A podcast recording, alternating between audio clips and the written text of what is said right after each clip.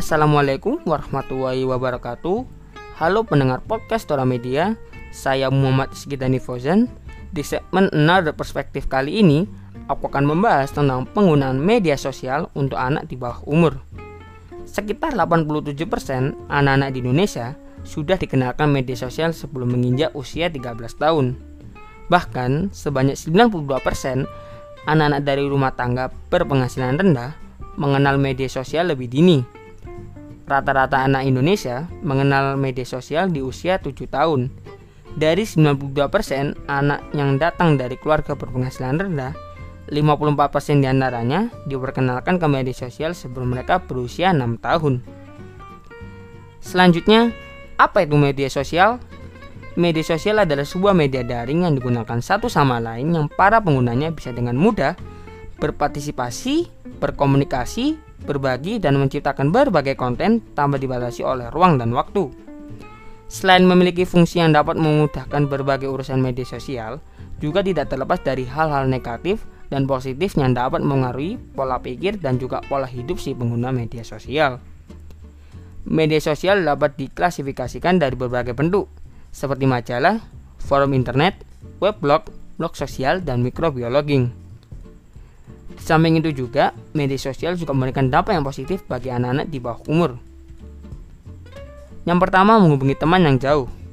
Di era pandemi seperti ini, kita dibatasi untuk bertemu dengan teman. Dengan adanya media sosial, kita bisa bertemu dengan teman tanpa kontak langsung dengan teman. Kita bisa menggunakan aplikasi seperti WhatsApp, Instagram, Facebook, Line, dan lain-lain. Yang kedua, sarana hiburan.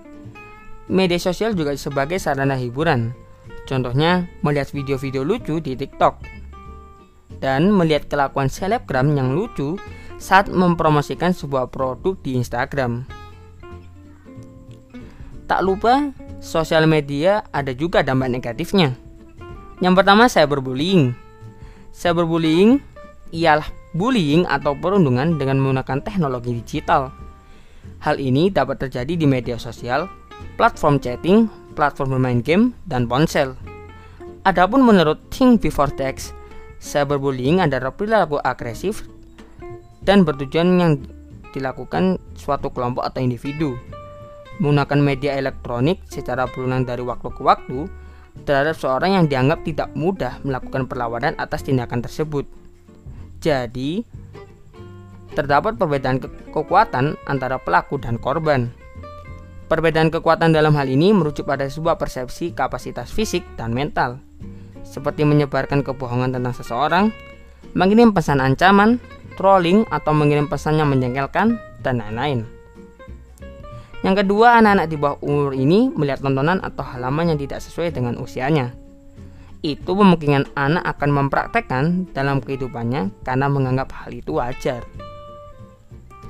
Saya ada tips bagi orang tua untuk membatasi dan mengawasi anak dalam bermedia sosial.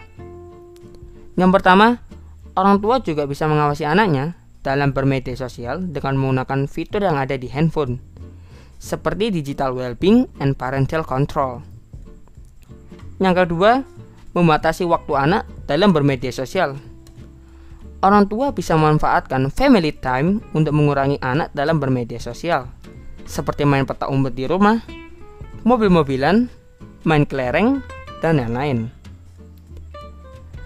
Jadi, pesan saya, berbijaklah dalam bermedia sosial, dan saya berharap kalian semua bisa menggunakan media sosial untuk fungsi yang sebenarnya. Saya Muhammad Sekitani Fauzan, pamit undur diri. Wassalamualaikum warahmatullahi wabarakatuh.